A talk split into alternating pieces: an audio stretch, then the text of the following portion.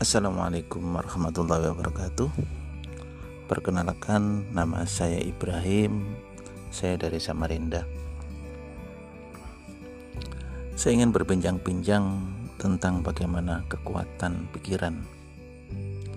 Bagaimana kekuatan berprasangka baik yang, yang mengakibatkan kebahagiaan, kemuliaan, keberkahan pada diri kita semua. Pikiran itu dibagi menjadi dua, pikiran sadar dan pikiran bawah sadar.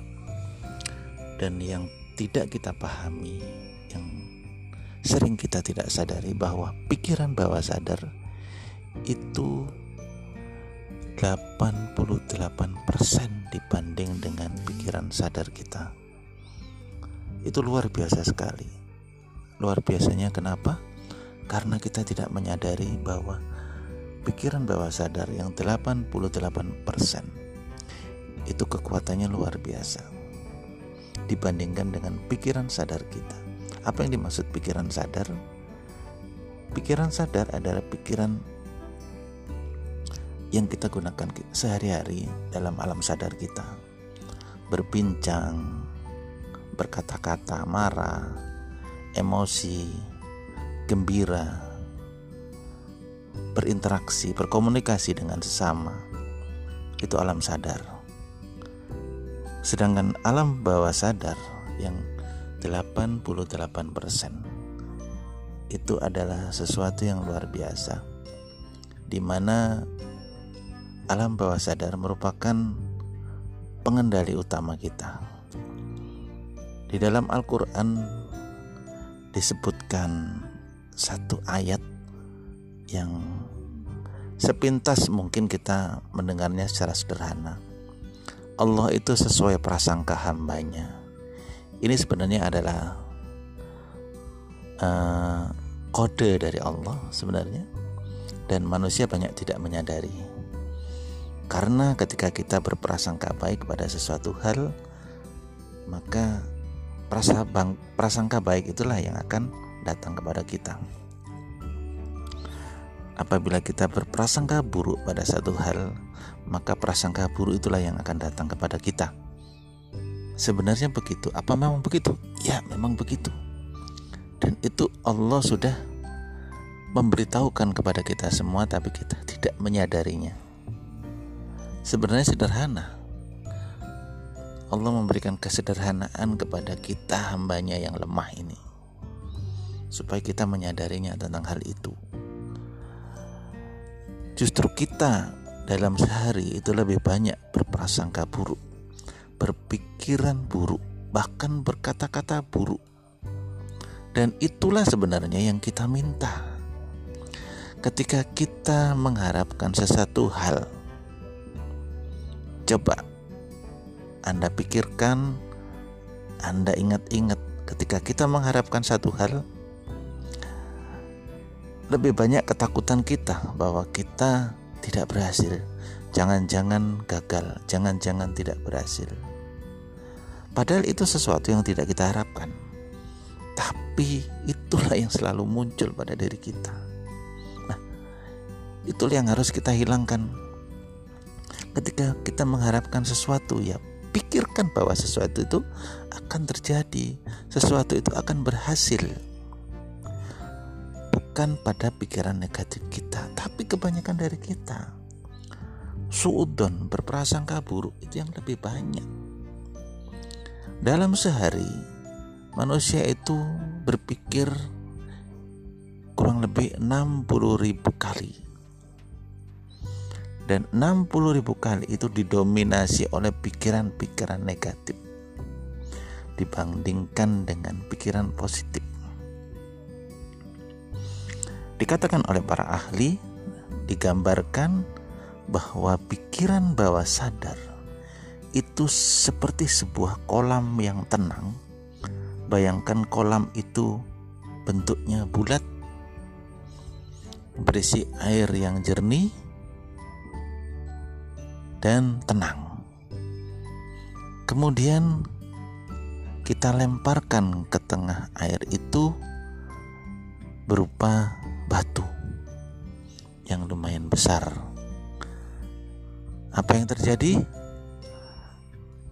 Karena lemparan batu tadi, tenaga yang kita keluarkan untuk melempar batu tadi, kemudian batu jatuh di tengah di kolam, maka yang terjadi adalah gelombang. Gelombang yang akan merambat dari tengah di mana benda tadi dijatuhkan, batu tadi dijatuhkan, gelombang itu akan merambat ke tepi. Setelah gelombang itu ke tepi, maka dia akan kembali ke tengah lagi dengan membawa apa pun yang ada di kolam itu, membawa ke tengah. Ini adalah sebuah gambaran di mana ketika alam bawah sadar kita bekerja, sesuatu yang kita pikirkan masuk ke alam bawah sadar, ini hati-hati. Ketika satu pikiran itu masuk ke alam bawah sadar dan kita yakini, maka dia akan membawa keyakinan itu datang kepada kita. Contohnya begini. Ketika datang ke rumah kita seorang pengemis maka banyak hal yang kita lakukan, banyak hal yang kita pikirkan tentang pengemis itu. Yang pertama, ada di antara kita yang merasa iba, merasa kasihan.